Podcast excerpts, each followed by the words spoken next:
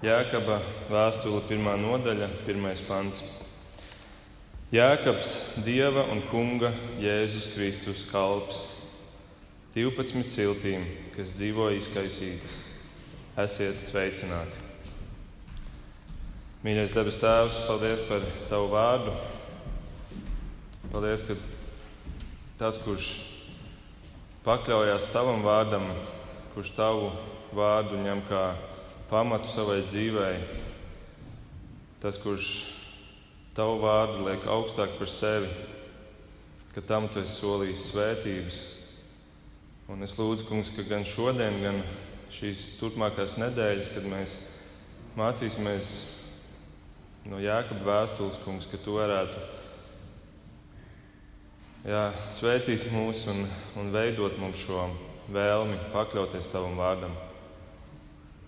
Ieraudzīt tajā to spēku, to patiesību, kur ir tik svarīga mūsu dzīvēm.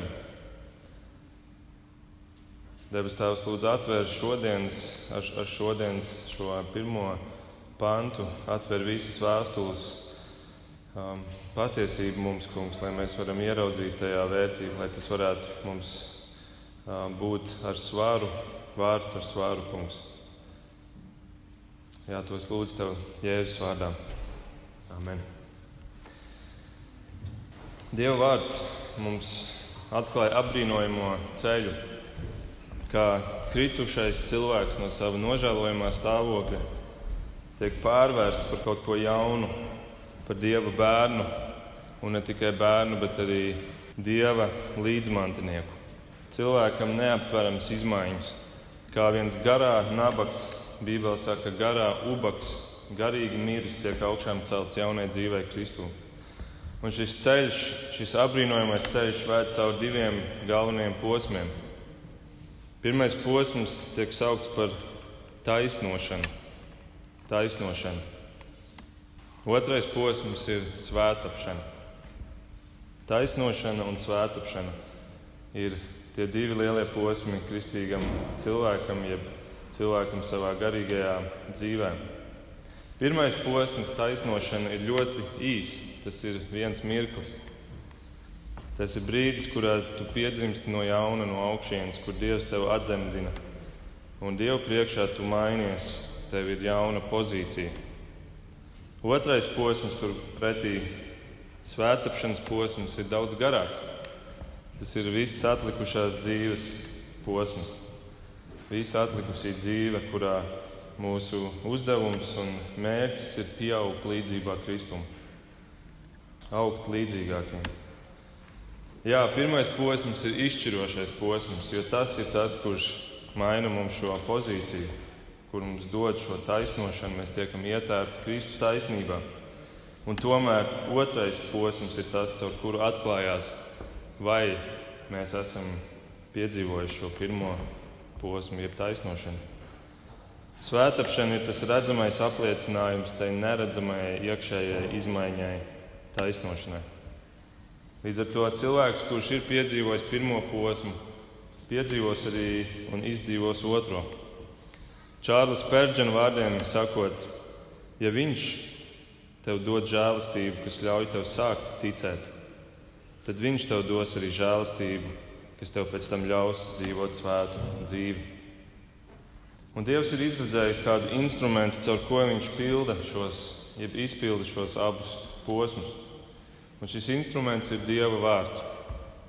Šis instruments ir Dieva dzīvais vārds, Un tas ir tas dzinējs spēks, kas izraisa to taisnošanu cilvēkā, un tas ir tas dzinējs spēks, kas virza pēc tam visas tālākās cilvēka dzīves svētapšanu. Un to atklāja 2,17. panti Bībelē. Viens ir romiešiem 10, 17, kur ir teikts, ka ticība rodas no pasludinātās vēsts, bet vēsts no Kristus vārdiem. Tātad ticība, kas ir nepieciešama taisnošanai, nāk no Kristus vārdiem, nāk caur Dieva vārdu. Un otrs pants ir rakstīts Jāņa 17, 17, kur ir teikts, kur Jēzus tēvam lūdz, dari viņus svētus patiesībā. Tavi vārdi ir patiesība. Kristus lūdz par saviem taisnotajiem, lai caur šo vārdu, šo Dieva vārdu patiesību viņi kļūtu svēti, viņi pieaugtu svētumā un līdzībā Kristum. Citiem vārdiem sakot, viņu svētāpšanu tiktu virzīta viņu dzīvēm. Un pasaule ir pilna ar cilvēkiem, kuri apgalvo, ka viņi ir taisnoti, ka viņi ir Dieva bērni, bet kuriem nerūp svētāpšana. Pasaule ir pilna cilvēkiem, kuri māna sevi, ka viņi ir Kristus atzīti, bet viņiem nerūp svētāpšana. Pasaule ir pilna cilvēkiem, kuri Kristu ar saviem vārdiem apliecina, bet kuru darbi klusē, jo viņiem nerūp svētāpšana. Un tas lielais sātana apmāns ir tas, ka viņš ir radījis reliģiju, kas dod šo apmierinājumu sajūtu, ka tu domā, ka Dievs tevi ir pieņēmis, ka Viņš ir tevi taisnojis. Jo toreiz es teicu, jā, Kristum, vai toreiz esi kaut kad sen kristīts, vai arī tu regulāri apmeklē baznīcu, vai pat kalpo draudzē. Un tomēr tie kristuma būtiskie augļi nekļūst redzami tavā dzīvēm tāpēc, ka nav svētāpšanas, tāpēc, ka tev nerūp svētāpšana. Un tādēļ Bībele atkal un atkal brīdina par šo stāvokli, par šiem pašapmānu draudiem. Un gandrīz katra jaunās darbības grāmata satur šādus, šādu veidu brīdinājumus. Mēs jau lasījām ievadā Jēzus kalnu svētrumu. Kad Jēzus nostājas šajā, šajā kalnā un sniedz šo pasaulē visdižāko svētrumu, tad viņš tās kulminācijā, tās noslēguma daļā izvēlas dot tieši šādu brīdinājumu. Viņš paskaidro, ka daudzi kritīs šajā pašapmāna valgos, kur viņi ar vārdiem apliecinās Kristu, bet ne ar darbiem. Un turpat ir teikts, ka viņi pat ar domā, ka viņi ar kādiem darbiem apliecina Kristu, bet izrādās tie darbi Kristum nav svarīgi. Vismaz ne tik svarīgi kā tie patiesie augļi, kurus viņš sagaida. Un tad viņš saka, ka maz būs to, kuriem viņš apliecinās, ka pazīst viņus, tāpēc ka viņš viņus ir reiz taisnojis. Un ir atsevišķas jaunās darbības vēstules, kuras sarakstīts ir principā šī brīdinājuma dēļ. Vēstules kā 1. Jāņa vai 2. Pētera. Un ir vēl viena vēstule, un tā ir Jēkabā vēstule. Jēkabā vēstules pamatēma ir cilvēka svētāpšana.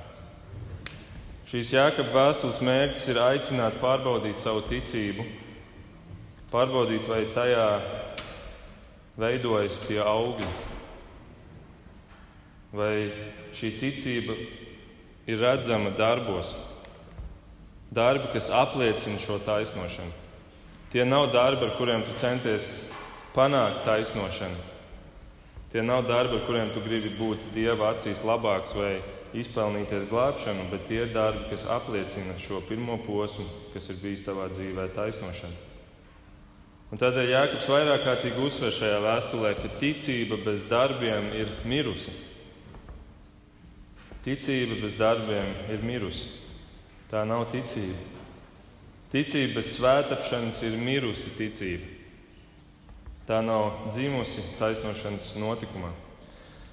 Un, ja, piemēram, Pāvils Cits autors Pāvils runā daudz par to, ka mēs esam glābti ticībā vien un ne caur darbiem. Tad Jēkabs saka, Jā, Pāvil, bet ticība ir derīga tikai tad, ja tai seko darbi. Ticība ir derīga, ja tai seko darbi, jo darbi apliecina tavu ticību. Svētapšana apliecina tavu taisnošanu.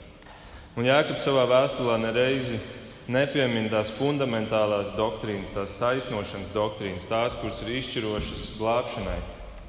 Ar to atklājot, ka acīm redzot, viņš uzrunā tieši tādu auditoriju, kuri saka par sevi, ka mēs jau esam glābti. Un tāpēc Jēkabs runā par svētāpšanu. Un līdz ar to šī jēkaba vēsture ir ļoti praktiska vēsture. Viņa ir uz darbiem vērsta. Tur mēs neatradīsim dziļus teoloģiskus konceptus. Viņi ir uz darbiem vērsti.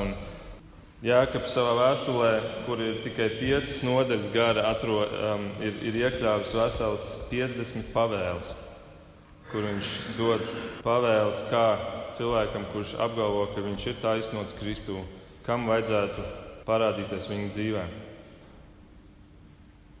Bet par šīs vēstules patieso to sirdi un dabu mēs spējam nojaust tad, kad mēs iepazīstam tās autoru.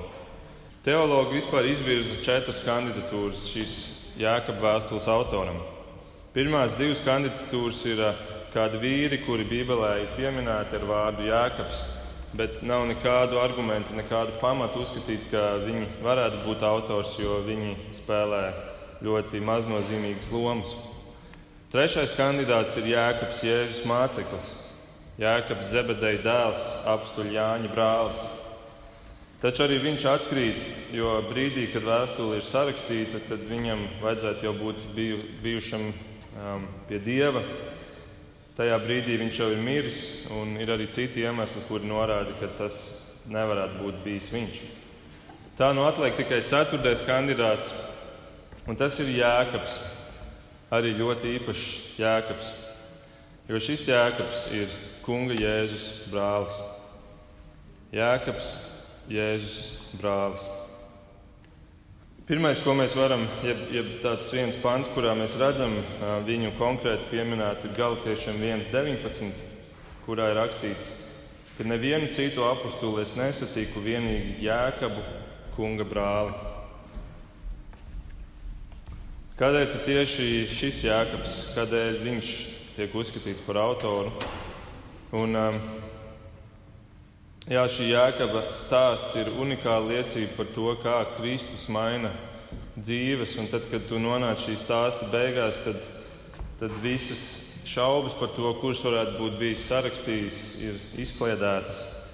Un, um, un šeit mēs redzēsim, kā jēkaba sākotnējā pozīcija un, un domas par Kristu kardināli mainās. Mēs redzēsim, kā Jēzus ir spējīgs mainīt tik labi svešinieka dzīvi, svešinieku, kurš, piemēram, karājās pie krusta blakus, kā arī tuvinieku dzīvi daudzu gadu garumā. Un tas ir stāsts par Jēkabu. Pirmo reizi mēs Jēkabu satiekam Marka evaņģēlijas 6. nodaļā, 3. pantā. Tad, kad Jēzus ciemojas savā dzimtajā pilsētā Nāceretē. Jūs atceraties šo stāstu. Un, Jēzus netika uzņemts laipni. Un, šeit ir kādi cilvēki, kāds pūlis, kuri, kuri atsaucās uz šo Jēzu, kurš ir viņiem tik labi pazīstams kopš bērnu dienām. Un šeit Jānis tiek pieminēts kā Jēzus brālis. Tur ir rakstīts tā, vai viņš nav Namdars, Marijas dēls un Jēkaba, Jāzepa, Jūdas un Sīmaņa brālis? Vai viņa māsas nav šeit pie mums, un tā viņa apgrēkojās viņa dēļ? Tā kā Jānis šeit ir pieminēts sarakstā ar brāļiem, un viņš ir pieminēts pirmais, kas šajā kultūrā nozīmēja parasti, ka viņš ir vecākais no brāļiem. Un tad mēs lasām Jāņa 7, ka arī šie brāļi neticēja Jēzum, tad, kad, viņš, tad, kad viņi viņu sastapa. Tur ir rakstīts, ka tad viņa brāļi viņam teica: Dodies prom no šejienes un noej uz jūdeju, jūdeju, lai arī tavu mācekļi redzētu darbus, kurus tu dari. Jo neviens neko nedara slepenībā, ja grib nākt atklātībā. Ja tu dari tādus darbus, rādi sevi pasaulē, jo pat viņa brāļi viņam neticēja jo pat viņa brāļi viņam neticēja. Un tādēļ Jēzus arī saka, ka pravietis nekur nav mazāk godāts kā savā tēva zemē, savos rados un savā namā. Savos rados un savā namā. Jēkabs un viņa brāļi neticēja Jēzum. Viņi iesmēja par viņu. Un tomēr Jēzum bija īpašs plāns uz saviem brāļiem īpašs plāns un, un īpašs plāns Jēkabam tieši.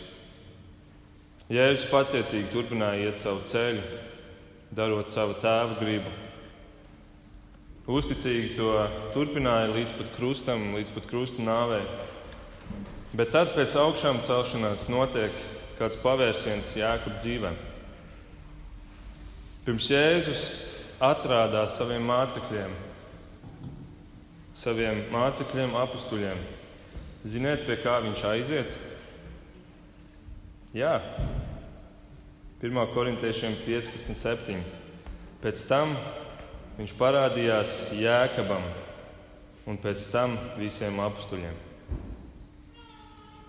Kristus augšām cēlies, dodas pie sava brāļa, pie sava vecākā brāļa Jēkaba un parādās viņam, un tad dodas pie apstuļiem. Jēzus dodas pie Jēkaba, jo viņam ir liels plāns savu brāļu dzīvē. Kas notiek tālāk? Nākamais ieraksts pēc Jēzus aiziešanas pie tēva ir, ir brīdis, kad mācekļi ir, ir sapulcējušies augšstabā apstuļu darbiem 1.14. Un tur mēs lasām, viņi bija vienprātīgi, neatlaidīgā dieva lūgšanā kopā ar sievietēm un Mariju, Jēzus māti un viņa brāļiem. Un Jēzus brāļiem. Starp, starp šiem Jēzus mācekļiem ir māte Marija un ir viņas un ir Jēzus brāļi. Jēzus brāļi ir pievienojušies šai, šai draudzē. Un ir pamats domāt, ka starp šiem brāļiem ir arī vecākais starp brāļiem Jēkabs. Un mēs tālāk redzam, ka tieši viņš sāk spēlēt ar vien svarīgāku lomu šīs pirmās draudzes notikumos. 11 nodaļas vēlāk, apstākļu darbiem 12. Pēters ir ielikts cietumā un brīnumainā veidā viņš tiek atbrīvots no cietuma. Viņš dodas pie savējiem, kur ir sapulcējušies kādā vietā aiz slēgtām durvīm, kur viņi lūdz Dievu par Pēteru. Un Pēters pienāk, viņš klauvē un klauvē. Un, un tad mēs lasām 17. pantā, mādams ar roku, lai viņi apklustu. Viņš izstāstīja tiem, kā kungs izvedis viņu no cietuma. Tad viņš piekodināja Pavēstiet to Jēkabam un brāļiem. Pavēstiet to Jēkabam un brāļiem. Un Pēters devās prom uz citu vietu. Tad Pēters nāk un viņš, viņš nāk pie šiem tuvākajiem. Viņš, pirmais, ko viņš pasaka, ir ejiet un pastāstiet to Jēkabam. Kādēļ? Tādēļ, ka viņš bija šīs draudzes vadītājs. Jēkabs bija kļuvis jau par draugu vadītāju un nonācis pašā draudzes veidošanās epicentrā. Un trīs nodaļas vēlāk, apstākļu darbos 15, notiek Jeruzalemes koncils, kur viņi spriež par pagānu evanģelizēšanu. Un, un viņiem ir diskusijas, un, un mēs lasām par šīm, par šīm diskusijām. Tad mēs redzam, beigās, ka pieceļās šī koncila vadītājs. Mēs lasām apstākļu darbiem 15, 13. Kad viņa apklusa, Jēkabs sacīja: Brāļi, uzklausiet mani, un tā tālāk. Pieceļās Jēkabs, kurš ir ne tikai šīs draudzes vadītājs, bet viņš ir, viņš ir uzņēmējis atbildību un viņš ir, varētu teikt, lielās dieva draudzes galvenais vadītājs, vecākais mācītājs, varētu tā viņu nosaukt. Un sešu nodaļas vēlāk, apstākļu darbiem 21. Pāvils apciemo Jeruzalemes draugu, kura, kura dzīvo lielā nabadzībā, un, un viņiem ir daudz izaicinājumu. Un Pāvils nāk nest viņiem upurdāvanas, jeb dāvanas, ko pagānu draugus ir savākušas, un nāk pat līdzi kādi arī pagāni no šīm draudzēm, un viņi kopā dodas uz Jeruzalemi. Un tad apsver darbiem 21, 18. mēs lasām, nākamajā dienā Pāvils kopā ar mums iegāja pie Jēkaba, un tur ieradās visi presbiteri. Un, uh, viņi šīs dāvanas nodod Jēkabam, un Jēkabs ir tas, kurš pulcina visus vecajos. Un tā ir interesanti, ka Jēkabs, kā Jeruzalemes draugs vadītājs, pat savā ziņā bija autoritāte virs Pētera un Pāvila autoritāte pat virs Pētera un Pāvila, ko mēs varbūt lasot Bībeli tā nemaz nenojaušam. Lūk, šis ir stāsts par Jēkabu no Kristus nodevēja, no neticīgā brāļa par dedzīgu Kristus draugu vadītāju. Galtiešiem 2.9 ir minēts, ka, ka, ka, ka Jēkabs bija viens no draudzes pīlāriem. Viens no draudzes pīlāriem. Un tādēļ arī lasot šīs vēstules uzrunu, šo pirmo pantu, šo sveicienu, Viņš nepaskaidro, kas par jēkabu raksta. Viņam nav jāpaskaidro, kurš jēkabs šeit raksta. Viņš arī neraksta, ka tas ir apustulis jēkabs, jo tad tas būtu māceklis jēkabs. Bet viņš raksta vienkārši jēkabs. Un visiem bija skaidrs, kurš jēkabs. Tas jēkabs, Jeruzalemes draugs vadītājs. Un jēkabs nekad nekļuva par apustuli jeb sūtīto. Apostols nozīmē sūtītais, jeb vēstnesis, kurš nes vēsti tālāk. Mēs varētu arī teikt, misionārs. Jo viņš tā arī nekad nepameta savu Jeruzalemi. Un kad jūda izkarjota vietā tiek ievēlēts 12. māceklis, jaunais 12. māceklis Matīs, tad Jēkabs arī turpat blakus ir, bet tomēr viņš pat netiek virzīts, jo viņa misijas lauks ir Jeruzaleme. Un tā nu mēs redzam, ka šī vēstule tiek adresēta 12 ciltīm. 12 ciltīm, 12 Izraēla ciltīm, tas nozīmē tieši jūdiem. Un te viņš vēl raksta 12 ciltīm, kas dzīvo izkaisītas. Un tas ir ebreju, tas, es atvainojos, tas grieķu vārds ir diaspora, kas dzīvo izkaisīti diasporā. Tas nozīmē tie, tie ebreji, kuri ir izsūtīti, kuri ir vecās derības laikos, dažādos veidos un dažādos laikos bijuši spiesti um, pamest Izraēlu un kuri dzīvo izkaisīti pa visu pasauli. Un tieši viņiem viņš raksta šo vēstuli. Mēs varētu jautāt, bet, bet kāpēc vajadzētu tieši viņiem? Un, uh, un skatoties uz šo visu lielo bildi, mēs varam redzēt Dieva apbrīnojamo darbu, jo no šo izkaisīto jūdu traģēdijas, Dievs viņus bija pārvērtis par tagad spēcīgi lietojamu instrumentu, jo visa evanģelizācija, kas gāja no Jeruzalemes, visa patiesībā notika caur šiem izkaisītajiem jūdiem, kur dzīvoja diasporā. Jo mēs redzam, ka Pāvils katru reizi, kad viņš apmeklē jaunu vietu, viņš vispirms iet un runā sinagogā. Tātad Dieva plāns, ilgtermiņa plāns, arī izkaisot šos jūdzes pa visu pasauli, ir tālredzīgs plāns, kā nest evaņģēlīju vēst visai pasaulē.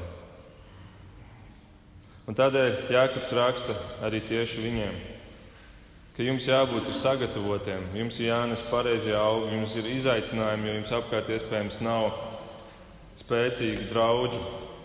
Bet, ja jūs esat taisnoti un jums jums apkārt ir dažādas negatīvas un, un um, ietekmes un grūti apstākļi, un par tiem visiem viņš runā šajā vēstulē, tad jums ir jābūt gataviem. Tāpēc viņš raksta šo vēstuli kā iedrošinājumu, bet vienlaikus arī kā brīdinājumu neatkāpties no šī ceļa. Interesants jautājums vēl ir jautājums, kad šī vēstule tika sarakstīta. Visticamākais datēšanas laiks ir, ka Jēkabs šo vēstuli raksta 40. gadu vidū. Katrā ziņā noteikti viņš to raksta pēc 37. gada, kad pirmo mocekli Stefānu nogalināja. Un, kad Saula vadībā vēlāk Pāvils kļuva, kļuva, kļuva, viņš kļuva par Pāvilu, bet šis Sauls Pāvils, viņa vadībā sākās šīs vajāšanas un Jeruzalemes draudzene tika izbārstīta un tādā veidā arī um, vēl vairāk šo jūdu nonāca ārpus Izraēlas. Tātad pēc 37. gada. Un tomēr tam jānotiek bija arī pirms 50. gada, kad notika šis Jeruzalemes koncils, jo Jēkabs nevienu reizi to nepiemin šajā vēstulē. Tā kā lielākā daļa teologu saka, ka tas ir 40. gadu vidū. Un, uh, tas līdz ar to šo vēstuli padara par pirmo jaunās derības grāmatu. Jēkab vēstule ir vecākā jaunās derības grāmata. Es vēlos pieskarties vēl trīs vārdiem šajā pirmajā pantā, kuru mēs lasījām, un eh, pakavēties pie tiem, meklējot, jeb ieraugot eh, to vērtību un eh, to atspoguļojumu Jēkabā dzīvē. Pirmais vārds ir Dieva un Kunga Jēzus Kristus kalps. Tātad Jēkabs šeit raksta, ka Viņš min, piemin Jēzu, bet viņš viņu sauc par kungu. Kunga Jēzus Kristus kalps. Mēs šeit veltīgi meklējam atsauci uz Jēkaba miesisko radniecību. Viņš varēja teikt, šeit raksta Jēkabs, Jēzus brālis. Cik labi tas būtu skanējis. Bet viņš nesaka brālis, viņš saka, ka Jēzus ir viņa kungs. Tas grieķu vārds ir kīrijos, un definīcija šim vārdam skan šādi: persona, kurai ir absolūtas īpašuma tiesības, kurai pieder kāda persona vai priekšmets, par kuru tam ir vara lemt. Skolotājs kungs. Tātad Jēkabs nu atzīst, ka viņš pieder savam brālim Jēzum. Jēkabs Jēzus šajā vēstulē pat 14 reizes sauc par kungu. Kungs. Un turpat blakus ir otrais vārds, kurus vēlos pieminēt, un tas vārds ir kalps. Viņš saka, Jēzus, Kunga Jēzus Kristus kalps. Arī šeit mēs varētu teikt, nu labi, viņš minēja kungs, bet viņš taču varēja tik un tā teikt, kad es esmu brālis. Kunga Jēzus Kristus brālis. Tas arī būtu skanējis labi. Bet nē, Jēkabs saka, kalps. Un tas vēl jau vairāk apstiprina un pastiprina šo viņa apņemšanos sekot šim brālim, šim kungam un iet šo svētāpšanas ceļu. Es ticu, ka viņa izvēle nesaukt Jēzu par brāli bija dziļi saistīta ar viņa pagātni. Es ticu, ka viņš apzinājās, ka, kas viņš reiz bija, ka viņš reiz bija šajā palātā, palātā jeb noliedzēju pulkā, ka viņš reiz smējās par Jēzu kā par tādu pustrāko, kurš ir sadomājies sazinko. Viņš iesmēja par savu vecāko brāli kopā ar visu nācereti. Un šīs pagātnes dēļ es ticu, Jēkabs nāk ar pazemību un nespēja citādāk kā saukt sevi par kalpu. Bet, ziniet, šī ir tik spilgta ilustrācija svētapšanai. Kristu Jēkabs jau bija taisnots, bet viņš apzinājās, cik daudz viņam vēl ir jāattīrās, cik tālu vēl jāiet, lai līdzinātos Kristum. Un vienīgais veids, kā to panākt, ir sekot kungam, Kristum. Un sekot spēja tikai kalps. Sekot savam kungam spēja tikai kalps. Vienīgais veids, kā iet svētāpšanas ceļu, ir būt Kristus kalpam, būt Kristus kalpam. Un, ziniet, šis vārds kalps, kas šeit minēts, tas vārds ir dūlas, dūlas. Mēs jau kādā no iepriekšējām nedēļām esam par to runājuši. Šis vārds patiesībā nozīmē vergs. vergs.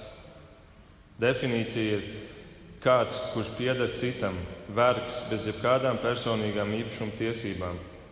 Ironiski, ka dūlas tiek lietots ar visaugstāko cieņu jaunajā derībā, proti, par ticīgajiem, kuri brīvprātīgi dzīvo zem Kristus autoritātes, kā viņam nodevušies sekotāji. Jēkabs, Jēz, Jā, Jēkabs Jēzus vergs, Jēkabs Jēzus īpašums. Tas ir tas, ko Jēkabs šeit saka. Un šādu jēkabu Jēzus varēja vadīt un lietot varenos darbos. Šāds jēkabs bija gatavs iet šo svētāpšanas ceļu, kļūstot ar vien līdzīgāks Kristum. Šāds jēkabs bija spējīgs nolikt sevi nost no savas dzīves centra un ielikt tur Kristu un sekot viņam kā kalpam. Un viens no veidiem, kā mēs redzam Jēkaba šo vēlmi sekot Jēzum, ir, ir tas, ko mēs lasām viņa vēstulē. Jo, ziniet, viņa vēstule viens no tādiem vispilgtākajiem, vispilgtākajām iezīmēm par šo vēstuli ir tas, ka viņai ir ļoti daudz paralēlu ar Kalnu svētrumu. Jēkab vēstule ir pilna ar motīviem, kas ir dublējās Kalnu svētrunā. Citi saka, ka Jēkab vēstule ir kā komentārs Jēzus Kalna svētrunai. Vismaz 15 reizes, un es atgādinu, ir 5 nodaļas. Vismaz 15 reizes Jēkabs pieskaras kādam motīvam ļoti tiešā veidā no kalna svētdienas un izskaidro to savai auditorijai. Un Jāekabam un Jēzum ir viens mērķis, un tas mērķis ir brīdināt, ka ārējie darbi, ka, ir, ka, ir, ka ārējie darbi nāk no iekšējas sirds attieksmes un sirds stāvokļa. Daudzi pārprot kalnu svētru un saka, jā, tā ir kaudze ar labiem morāliem noteikumiem. Un, ziniet, daudz to pašu saka par Jāekabu vēstuli. Viņi saka, Jāekaba vēstule ir vienkārši uh, dažādi nesakarīgā secībā un nejauši salikti, uh, saliktas labas pavēles, jeb labas, labi ieteikumi, kā dzīvot kristīgo dzīvi. Bet patiesība ir tā, ka gan Jēzus Kalnu svētumā, gan Jēkabs savā vēstulē runā par to, ka tev šiem ārējiem darbiem ir jābūt redzamiem, ja tava sirds ir izmainīta un tu esi taisnots Kristū. Un tā nu Jēkabs, piemēram, noslēdz savu vēstuli ar aicinājumu par brāļa atgriešanu, ja tas ir kritis grēkā. Līdzīgi kā Jēzus noslēdz savu kalnu svētdienu ar ilustrāciju par vīru, kurš ceļ savu namu.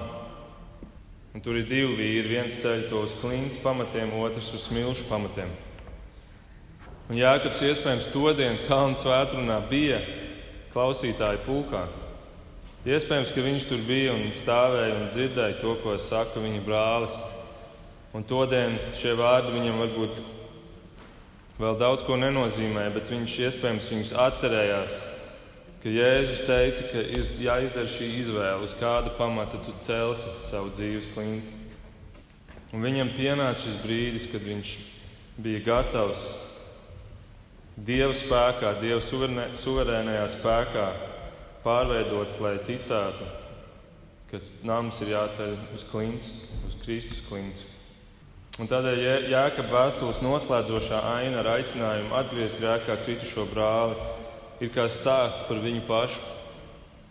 Tā kā mēs nonāksim līdz turienei, es domāju, tas ir stāsts par Jēkabu, kā Jēkabs stāv un pie viņa pienāk Kristus simboliskā veidā un viņš viņu izmaina, atgriež no šī grēka ceļa, pārved no šī platā ceļa uz šauro ceļu, pārceļ viņu namu no smilšu pamatiem uz klinti.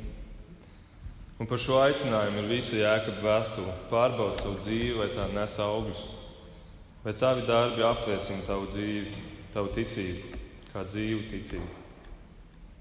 Un tā nu šī vēstule ir kā tests, kura mērķis ir gan iebiedēt, jeb biedēt cilvēku, to, kurš nav gatavs sastapt Kristu, radīt viņā nemieru, lai tu meklē risinājumu, kā arī iedrošināt tos, kuri ir gatavi iet šo svētāpšanas ceļu un klausīt Kristus pavēlēm.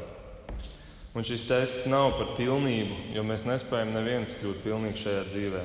Bet šis tests ir par virzienu, ka tavam dzīves virzienam ir jāatklāj, ka šie darbi ir Un trešais vārds ir pirmais, pirmā panta pēdējais vārds, ja pēdējie divi vārdi šajā tulkojumā ir teikts, esiet sveicināti.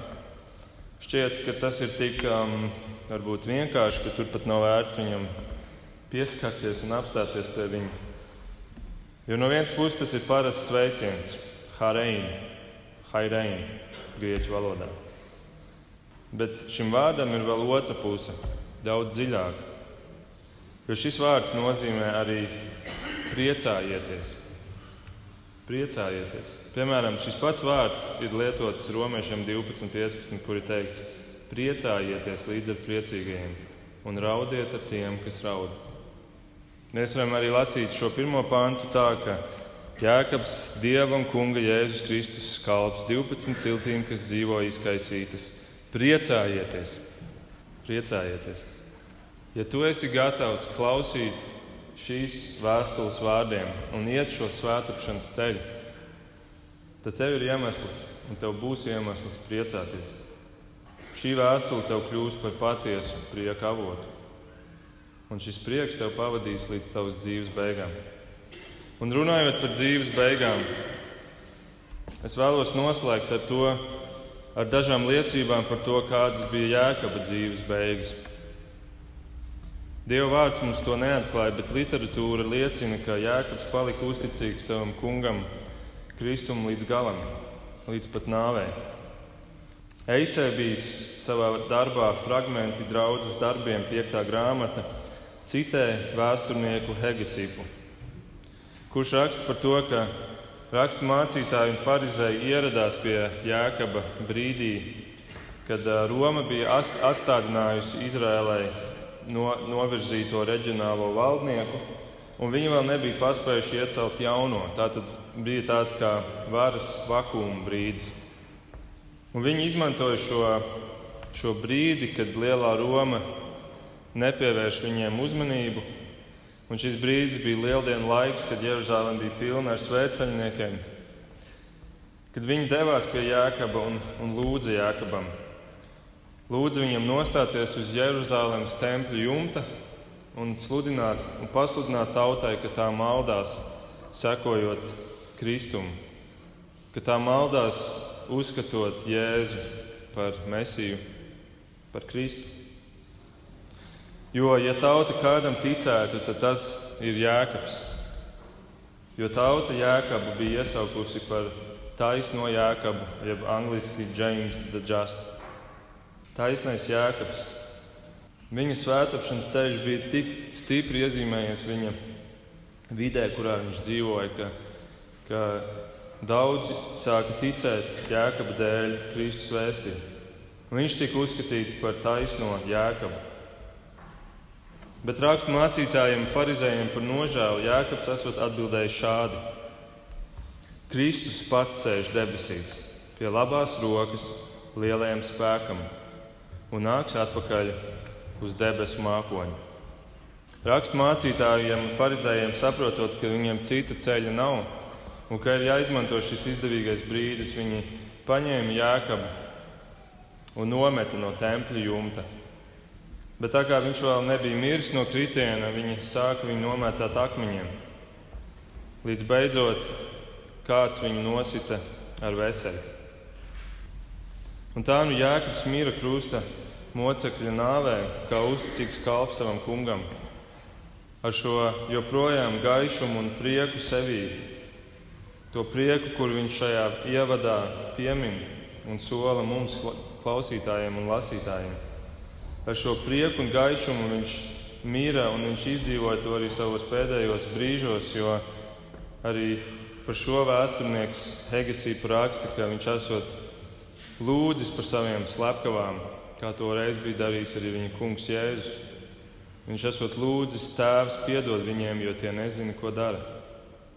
Un, ja mēs tā padomājam, Jēkabs pirms savas nāves bija tur, uz tempļa jumta, uz tā paša jumta, kur reiz bija stāvējis viņa kungs un brālis Jēzus, Sātana kārdināšanā.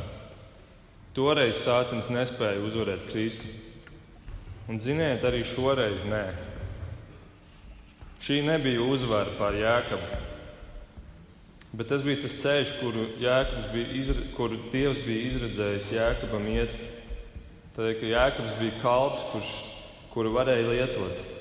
Un tā nu Dievs piepildīja savu lielo gribu, un vēsturnieki raksta, ka Jēkaba nāve bija tā, kas izraisīja tik lielu sašutumu tautas vidū, ka par to tika sodīts nevien augstais priesteris, kurš bija atbildīgs par šo slepkavību, bet vēl vairāk, ka valodas aizgāja līdz Romai un īsi pēc Jēkabas nāves, kas ir datēta ap 69. gadu, romieši atrieba viņu ar Jeruzalemes tempļa izpostīšanu.